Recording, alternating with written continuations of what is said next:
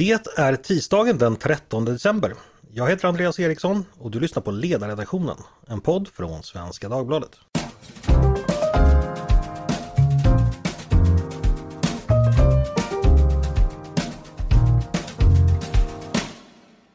Varmt välkomna till oss så här denna Lucia-dag. I helgen publicerades en debattartikel i Dagens Nyheter signerad Kristdemokraternas Europaparlamentariker Sara Skyttedal. Rubriken var Det är dags att legalisera cannabis även i Sverige och i, i ingressen skriver Skyttedal bland annat så här. Jag har varit en stark förespråkare för nolltolerans mot narkotika men jag har ändrat mig. Och senare i artikeln argumenterar hon för att narkotikapolitiken bör ses över i sin helhet eh, och för en avkriminalisering av bruk av narkotika och för en legalisering av cannabis. Alla som i likhet med mig följt svensk narkotikapolitisk debatt eh, sedan Hedenhös vet att den är ganska speciell. Eh, den präglas av ganska mycket låsningar. Eh, starka, ibland närmast fanatiska åsikter och engagemang och långvarig splittring. Eh, det som Skyttedal skriver är på många sätt okontroversiellt för, för, för många, eh, exempelvis mig själv. Men när det, att det kommer från en välkänd politiker och framförallt från en kristdemokrat gör att inlägget är kontroversiellt skulle jag säga. Eh, det är ingenting som är mainstream åsikter när det gäller eh, etablerade politiker i Sverige. Därför tänkte jag att vi skulle borra lite djupare i detta i dagens podd. Eh, vad vill egentligen Sara Skyttedal att vi ska göra mer exakt? Varför har hon ändrat sig och varför kommer hennes utspel just nu? Och med mig för att få svar på de frågorna har jag förstås Sara Skyttedal själv. Varmt välkommen till min podd. Tack så mycket. Hur är läget med dig? Är det bra? Jag är lite frusen. Det är energibesparingar, inte bara i Sverige mm. utan även i, i eh, Strasbourg där jag befinner mig nu. Så det är lite kyligt här. Ja, du berättade att ni hade fått, hade fått ta fram lite filtar för att hålla värmen. Ja, men det stämmer. Man får gå runt med filtar. Jag såg eh, en kollega hade på sig dunjacka på votering här i, i plenum så det, det är lite kallt. Okej, det är bra att alla drar sitt strå till stacken.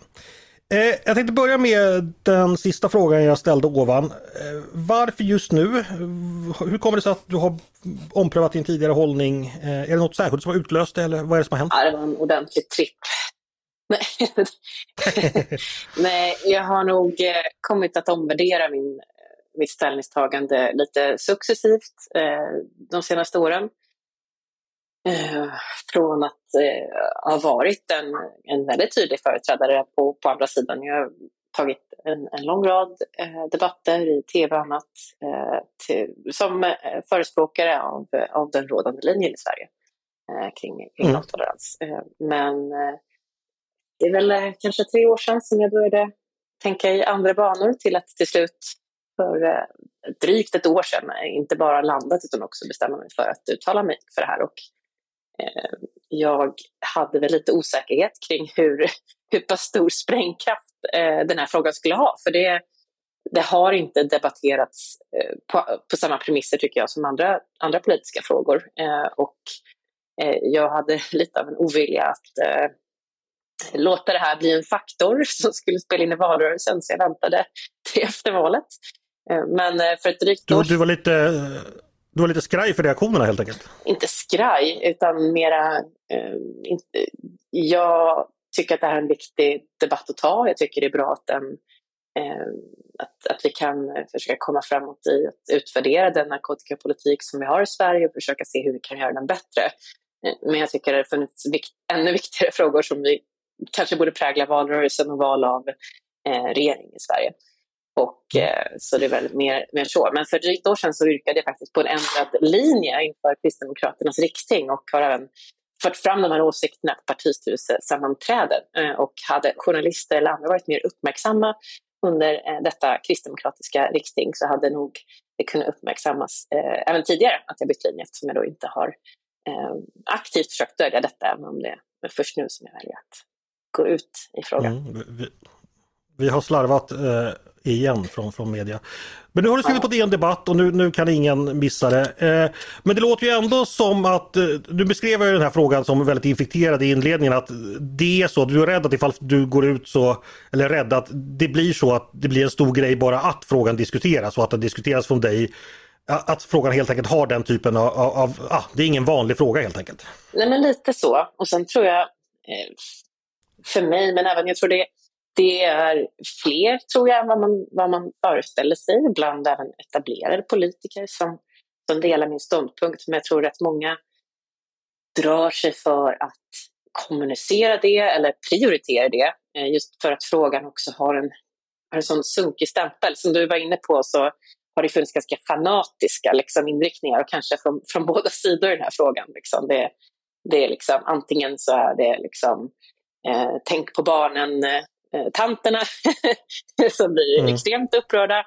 Eller så, och så har vi liksom eh, rabiata libertarianer som säger jag, jag har rätt att göra vad jag vill. Eh, och, ja, det, det, är svårt att få mm. de här mm. att eh, samtala och, eh, på, ett, på ett konstruktivt sätt. Eh, det är givetvis väldigt förenklande, eh. men, men det... Ja. där, i det landskapet, så är det inte så givet att det blir en, en konstruktiv diskussion om man ger sig in i den debatten. Och, men det mm. hoppas jag kan bli ändring. Jag måste väl också säga att jag hade svårt att bedöma hur, hur utfallet skulle bli, men jag är positivt överraskad över den, den ton som har varit. Det har väl sen, sen det publicerades i söndag, söndags. Det har väl varit mera positiva eh, toner än vad jag kanske trodde, vilket ju talar för att tiden kanske är mogen för mm. att eh, komma någon vart. Ready to pop the question? The jewelers at BlueNile.com have got sparkle down to a science with beautiful lab-grown diamonds worthy of your most brilliant moments. Their lab grown diamonds are independently graded and guaranteed identical to natural diamonds, and they're ready to ship to your door. Go to Bluenile.com and use promo code LISTEN to get $50 off your purchase of $500 or more. That's code LISTEN at Bluenile.com for $50 off. Bluenile.com code LISTEN. Vi ska återkomma till reaktionerna. Jag tänkte först vi ska klara av den där konstruktiva debatten. eh, och titta lite på dina konkreta förslag. Du vill ju se en avkriminalisering av bruk av narkotika. Eh, det är ju sedan 1988 olagligt att använda narkotika i Sverige. Eh, en lag som, eh, om man då får tro Brå, främst hade syftet att som det heter då, signalera ett avståndstagande från samhällets sida mot all hantering av narkotika.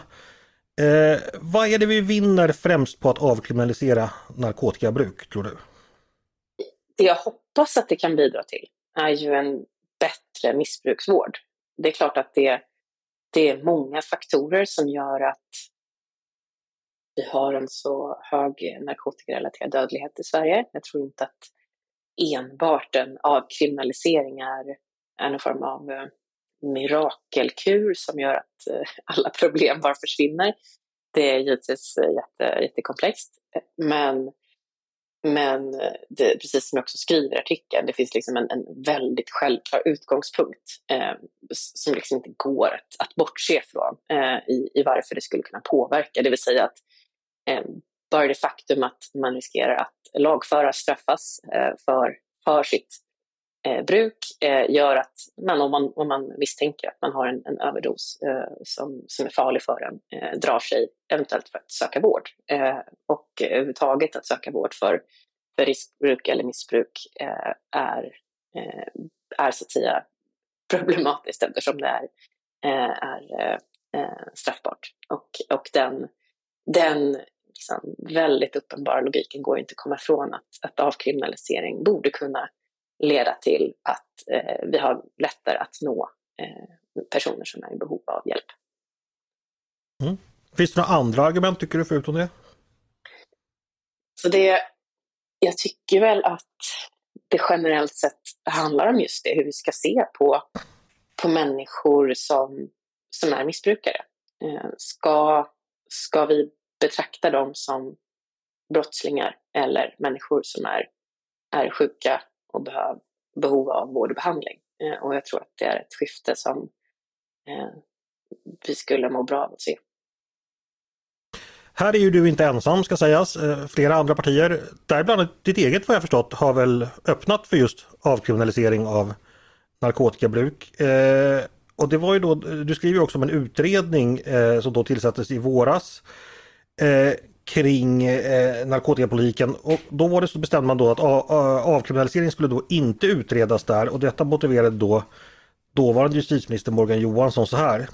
När det gäller den frågan vill jag bestämt säga att det vore en enorm gåva till de kriminella gängen. Eh, den som förfäktar avkriminalisering bidrar till normalisering och att, att normalisera och legitimera narkotika. Det är precis det gängen vill. Eh, jag förstår att du inte håller med honom, men varför har han fel där? Alltså han har ju rätt i det att det är klart att det skulle ändra normerna. Men precis som jag lite var inne på i mitt förra resonemang så tror jag det skulle ändra normerna till det bättre. Eh, normerna skulle bli att vi ändrar synen på, på missbrukare eh, från brottslingar till människor som är sjuka. Eh, och jag tycker att det är en bra nollförskjutning. Men jag ska också flika in där att mitt parti har alltså inte tagit ställning för, för avkriminalisering av narkotika utan har väl, har väl bara sagt att man inte aktivt vill utesluta det i en omprövning av narkotikapolitiken i sin helhet. Och bara det är ju så, såklart en eh, positiv nyhet. Eh, bra att du rättar med det, men sagt, man öppnade då för att saken hade kunnat vara med i utredningen. Men, men så blev det som sagt inte. Eh, nu ska den här utredningen då eh, vara klar 2023, alltså nästa år. Eh, vad, ser du några argument som du tycker är värda att ta på allvar från de som tycker att det ska vara fortsatt kriminaliserat. Eh, vad, vad, är det starkaste på den sidan så att säga? Alltså det, det starkaste skulle man säga argumentet överhuvudtaget för att, eh, att svensk eh, narkotikapolitik på något sätt skulle vara framgångsrik är att vi eh, på vissa sätt har, har ett lågt eh, liksom bruk av, eh, av, eh, av en hel del substans jämfört med andra länder. Eh, och det stämmer ju, eh, men, men där tycker jag att det är, eh, är viktigt, i, eller för mig så tycker jag att målen, målen med, med narkotikapolitiken borde ju vara att begränsa skadeverkningarna eh, från, från narkotikan. Och, eh, där, där fäster ju rätt många för stor vikt vid, vid ett ökat bruk. Eh, och det är klart att det är stor skillnad på bruk eh, och missbruk och riskbruk som ju jag ser det som det problematiska. Mm. Men om, om, man har som mål att till varje pris så ska eh, ingen använda någonting som är narkotikaklassat överhuvudtaget, eh, förutom om man har fått det förskrivet av läkare, då är det såklart helt okej. Okay.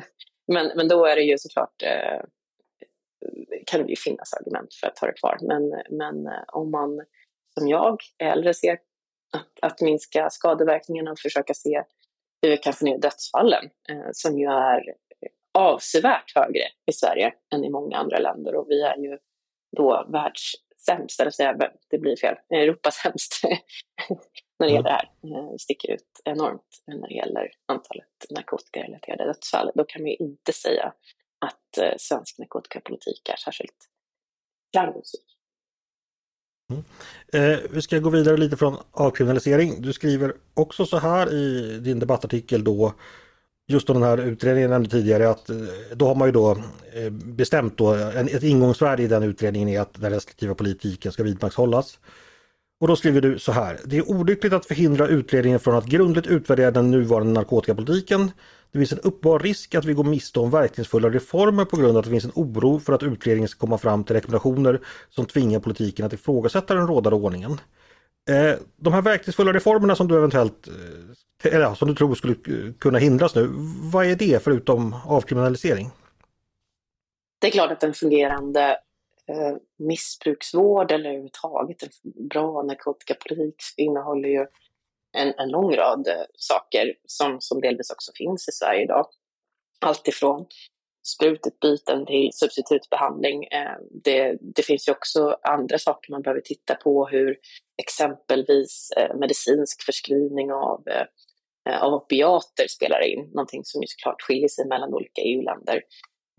Och där finns det ju också koppling till, till andra, hur, hur liksom andra narkotikaklassade preparat ses. Det har funnits, eh, man ska vara medveten om att nästan alla dödsfall är kopplade till, eh, till olika typer av opiater eh, som heroin och fentanyl. Liksom. Det är där, eh, där, där dödligheten är avsevärt högst. Eh, och där eh, till exempel i USA den, den eh, stora, stora eh, alltså ökning av opiatberoende och de skador som följer av det. Eh, också koppling till medicinsk förskri förskrivning av opiater i USA.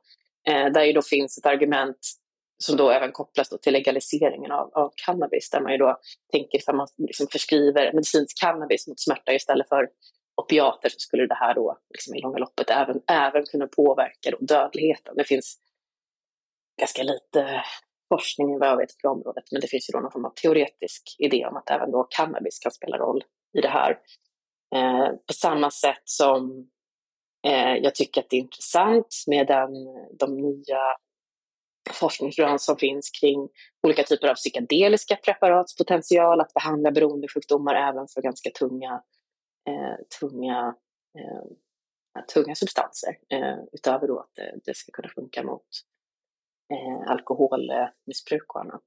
Eh, och där, där liksom hänger ju allt ihop. Så att, eh, och eh, även när det gäller hur hur liksom, psykedelisk forskning har, har fungerat så har den också varit starkt politiskt påverkad eh, i, i, hela västvärlden eh, för eh, där man hindrat liksom, eh, den, här, den här typen av eh, forskning från att kunna finansieras och utövas på ett bra sätt. Och där tänker jag att eh, det, det, det blir liksom en, en del av det hela. Så att det, jag tror det finns många andra saker man behöver titta på i, i den här narkotika utredningen som inte bara handlar om, om själva avkriminaliseringen. Mm, Okej. Okay. Eh, tänkte vi skulle gå vidare och prata cannabis. Eh, här låter det av din text på att, som att du är beredd att gå ett steg längre och göra vad många andra länder redan gjort, legalisera drogen.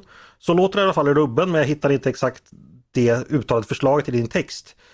Eh, vad tänker du om det? Bör det vara lagligt att köpa och sälja cannabis, att helt enkelt legalisera den drogen? Jag tycker att det finns goda argument för det och har, har nog landat i att det, det är en rimlig väg att gå. Jag noterar ju också dock att, att vi har ett, ett lägre bruk av cannabis i Sverige idag än, än i många andra länder. Okej, okay, så du, du, vågar inte helt säga jo, men jag, jag tycker ja att det är bra. Nu jag uttalar mig mest som en politiker, vilket jag också är. okay. Nej, jag tycker att, jag tycker att det, det är läge att legalisera. Jag tror också att det är just, just kopplat, det är ju lite andra argument som ligger bakom där, ska jag vara tydlig med, än, än, än varför en avkriminalisering eh, bör vara aktuell. Och det handlar ju framförallt om eh, kopplingen till eh, den gängkriminella miljön som vi har i Sverige eh, och dess stora beroende av eh, intäkter från cannabisförsäljning. Eh, där jag tror att det är också viktigt att göra det här i rätt tid, göra det på rätt sätt för att kunna eh, slå undan benen för, för en, en stor intäktskälla för, för de här. Eh, om, man, om man legaliserar det, då får man också man får bort resurser som, som idag finansierar eh, eh kriminell verksamhet som istället kan gå till legitima företag. Eh, vi kan också pump, punktbeskatta det som man gör med eh, drogen alkohol. Man kan säkerställa att det inte säljs till minderåriga, vilket ju såklart är dåligt. Eh, och förhoppningsvis också kunna eh, identifiera personer som, som har ett riskbruk. Eh, så jag tycker att det mm. vore, vore klokt och jag tror också det är viktigt att man gör det innan bruket har blivit ännu mer spritt. För det är ju så att vi har en, uppgått, en dra dramatiskt uppåtgående trend i Sverige när det gäller cannabisanvändning, även om den fortfarande är på en låg nivå. Och där, där tror jag det är viktigt att man gör det här i tid. Ja, för där tänkte jag återigen, fast det bär mig emot, citera Morgan Johansson. För att han har ju sagt då att Sverige är ett av länderna med minst cannabisbruk i EU. Eh, det är enligt vår uppfattning en följd av den restriktiva politik vi fört i Sverige under många år. Och, och i alla fall i det första ledet har jag rätt. Vi, vi använder ju relativt lite cannabis i Sverige jämfört med många andra länder. Eh, jag, jag tror jag liksom de flesta vet att i Sverige vi har inte den här extrema extrema stonerkulturen som finns bland ungdomar i, i USA. Det är inte lika utbrett helt enkelt. Kan det inte finnas en poäng i att ändå liksom hålla nere cannabisbruket givet att det ändå Det finns ju även medicinska och sociala problem som följer med cannabisbruk även fast, även fast det inte drabbar alla eller de, ens de flesta. Men, men, men några kan ju drabbas. Eh, vad, vad, tänker du om det argumentet?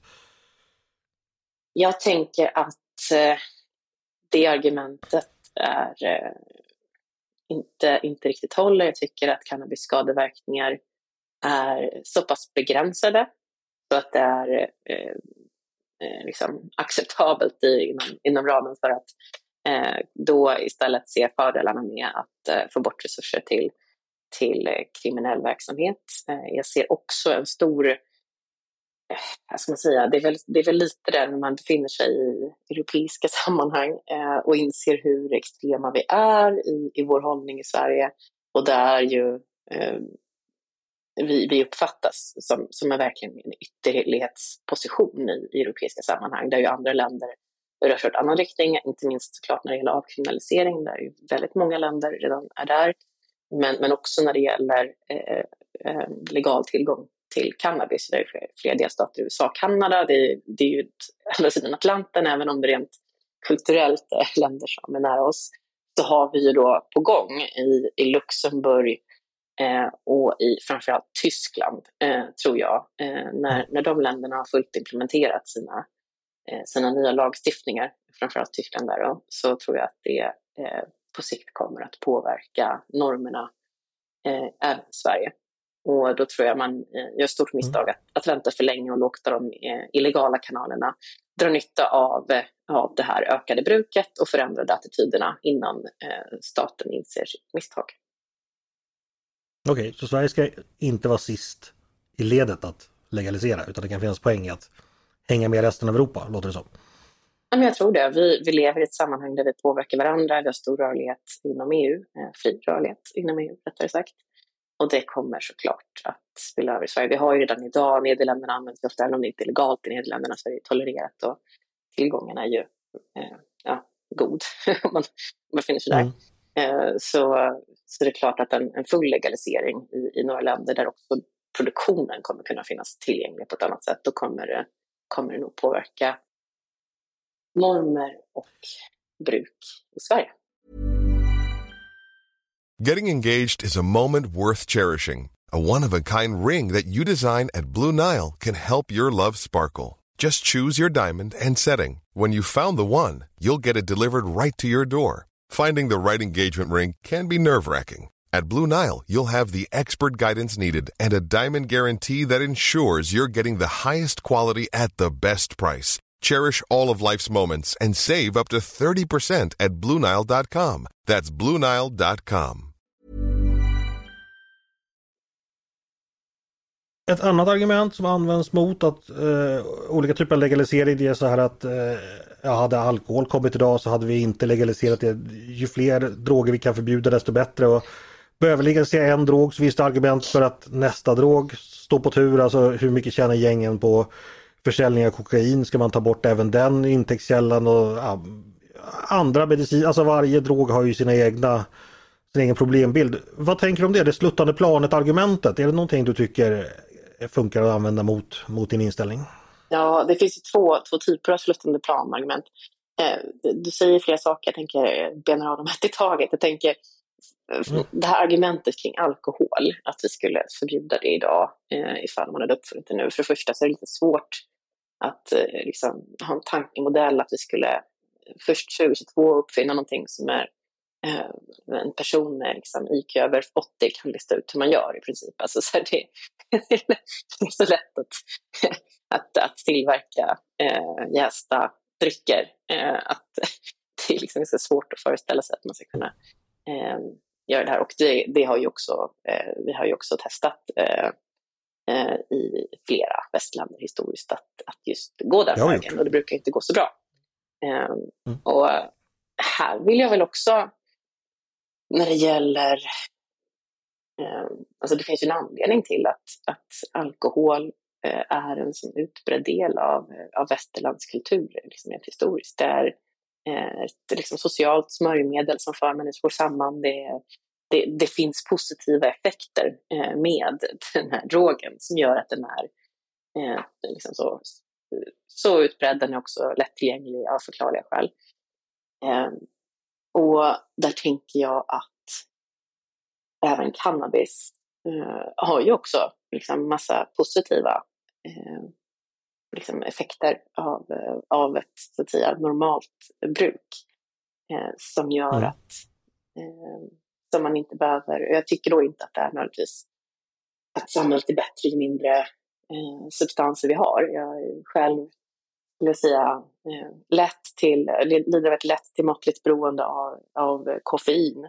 Eh, som jag som jag själv anser vara ganska oproblematiskt liksom, för, för, för samhället. Mm. Men koffein eh, har också negativa hälsoeffekter i, ett eh, omfattande Okej, men, men, men, men då pratar då andra droger som jag nämnde då, mm. om man ska ta, gängen kokain. tjänar mycket pengar på kokain, varför inte göra det lagligt? Eller, eller alltså att man går vidare, att planet sluttar åt det hållet. Mm. Uh, är det värt att ta på allvar, det argumentet tycker du? Nej, och för det första så är det ju en stor skillnad. Om man ser i en europeisk kontext så är det var tredje person som har testat cannabis. Eh, var tjugonde person har testat kokain. De, de spelar inte samma ligor när det gäller Eh, hur utbrett det är och även när det gäller eh, gängens eh, inkomstkällor så är inte kokain på samma plan. Även om det är den näst vanligaste drogen så är ju här eh, cannabis betydligt mer utbrett. Eh, så jag tycker inte att det, det gäller där. Och, och, även om det skulle vara så att det av någon anledning blir omåttligt eh, populärt, eh, skulle, förstår liksom inte varför det, det skulle bli det, eh, så är det ju också en, en, en drog med, med större skadeverkningar. Eh, och Eh, det är väl här, det är ett av mina huvudargument egentligen i, i min artikel, att ett av, ett av problemen i svensk narkotikapolitik är just att man har den här, eller den här premissen att man buntar ihop alla narkotikaklassade preparat och kallar det knark. Och sen liksom, eh, utformar man liksom en, en, en lobby, lobbyism och en politik som bara, ja men den, det, det är alltid knark, det är lite olika starkt, det ena leder till det andra, börjar du ta cannabis så fortsätter du till slut och vill ha starkare och starkare. Och till slut så sitter du där och det, det kan gå snabbt. Det minns, jag, det minns jag när de kom till skolan och sa så att man, man, tog, man tog första blosset och sen ja, en vecka senare så satt man där på T-centralen med med sprutan i, i, i armvecket. Att, ja, men precis. Ja, det var en snabb process. Det var en snabb process och det är så det, så det funkar. Och det, där, ja. det där är jag också uppväxt i, den liksom, det, man tutade tid när man var eh, tonåring, att det, det är så det funkar. Liksom. Men det där är ju felaktigt av så många sätt. Dels så är det ju är det så mycket som skiljer preparat mer än i liksom hur skadliga de är. De påverkar hjärnan totalt olika. Som just exemplen cannabis och kokain är ju liksom eh, alltså, påverkar ditt, din sinnesstämning i liksom motsatt riktning. Typ. Eh, så, så liksom är inte med eh, att jämföra dem är ju helt eh, liksom knäppt. Att jämföra cannabis med, med heroin är ju absurt. Liksom. Det är någonting som är både extremt, extremt hög skadeverkan och extremt, eh, extremt eh, beroendeframkallande mot något som mm. har ganska låg beroendeframkallande och eh, låga skadeverkningar. Så där, eh, där tycker jag att man behöver, man behöver utforma en politik som betraktar de här preparaten individuellt. Det finns verkligen droger som är oerhört skadliga som, eh, som i mina ögon bara innebär total misär, som ett misslyckande för samhället där varje person som börjar ta det liksom, är, är verkligen ett problem. Eh, och, och framför allt om vi pratar liksom, eh, hur, hur opiaters utspridning, alltså det är klart att vi, det går liksom inte att ringa de problemen. Och det är ju därför som jag, okay. vi måste ha fokus på dem. Men att bunta ihop det med, mm. med cannabis eller eh, psilocybin, liksom, det, det är andra saker. Eh, vi ska bara kort eh, innan vi avrundar gå vidare och prata lite om hur debatten har sett ut. För att du skriver i din text så här att eh, narkotikapolitiken eh, präglas av den kanske smalaste åsiktskorridoren i Sverige. Eh, och det var ju den bilden jag gav inledningsvis också. Hur kommer vi, om, om det nu är så, hur kommer vi vidare från det? Eller är vi på gång att det här förändras av sig själv? Vad, vad, vad tänker du om det? Min bild när jag skrev artikeln var nog att åsiktskorridoren var smalare än vad den kanske verkar vara. Ute eh, de uteblivna liksom, upprörda rösterna ty tycker jag talar för sig själv. Eh, men, och jag tror att den här debatten kommer att förändras. Eh, det, jag tycker det finns så goda argument för varför nuvarande narkotikapolitik är ett stort misslyckande. Och då, eh, det är ju de som försvarar rådande linje som egentligen ska stå till svars för varför, varför det är så bra eh, nu när vi har den här linjen, vi har en politik vi har testat i några decennier som, som leder till att människor dör i, i stor utsträckning de, det är ju de som är svaret skyldiga egentligen varför vi ska fortsätta på det här istället för att ompröva vår politik. Ehm, så jag tror att det kommer hända saker. Däremot så, så uppfattas kanske inte frågan tillräckligt akut för att tillräckligt många ska, eh, ska våga ge sig in i debatten, inte minst då för att det fortfarande finns eh, lite, lite stig, stigma kring frågorna och att man riskerar, riskerar att bli stämplad som eh, knarkliberal, vilket då är ett skymford i de flesta politiska sammanhang. Fast jag tänker ändå, eh, som du säger, det, det, är inte så jättemånga som eh, protesterar. Vi får se om det dyker upp nu mer svar på din text men Alltså Morgan Johansson han känns ju liksom som en liten ensam, eh, han har ju varit eh, liksom den narkotikarestriktiva bålverket i, i sig själv känns det som i ganska många år. I övrigt tycker jag inte det, jag kan inte komma på så många aktiva politiker idag som är beredda liksom att dö på den kullen. Man kanske inte liksom går på din linje men det är väl snarare som att eh, ja, då väljer man hellre att inte engagera sig. Är mot, har inte det här motståndet till stor del vittrat sönder egentligen de senaste åren utan att vi har tänkt så mycket på det? Eller vad tror du?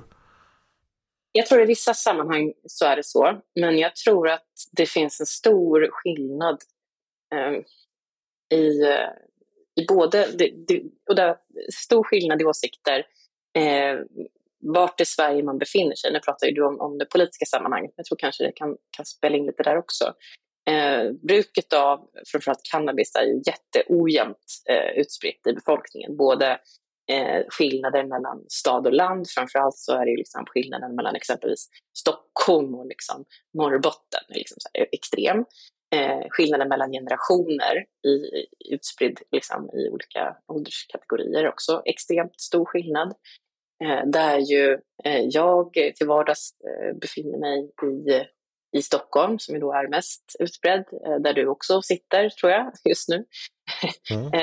där, där är det mera normalt och jag tror också att många politiker på högre nivå befinner sig i, i den typen av sammanhang där det här anses vara lite mera genomtänkt. Men jag tror bland många gräsrötter i politiska partier så som befinner sig ute i landet så är det här en fråga som är, känns väldigt apart och som, tyck, som man inte är redo att ompröva.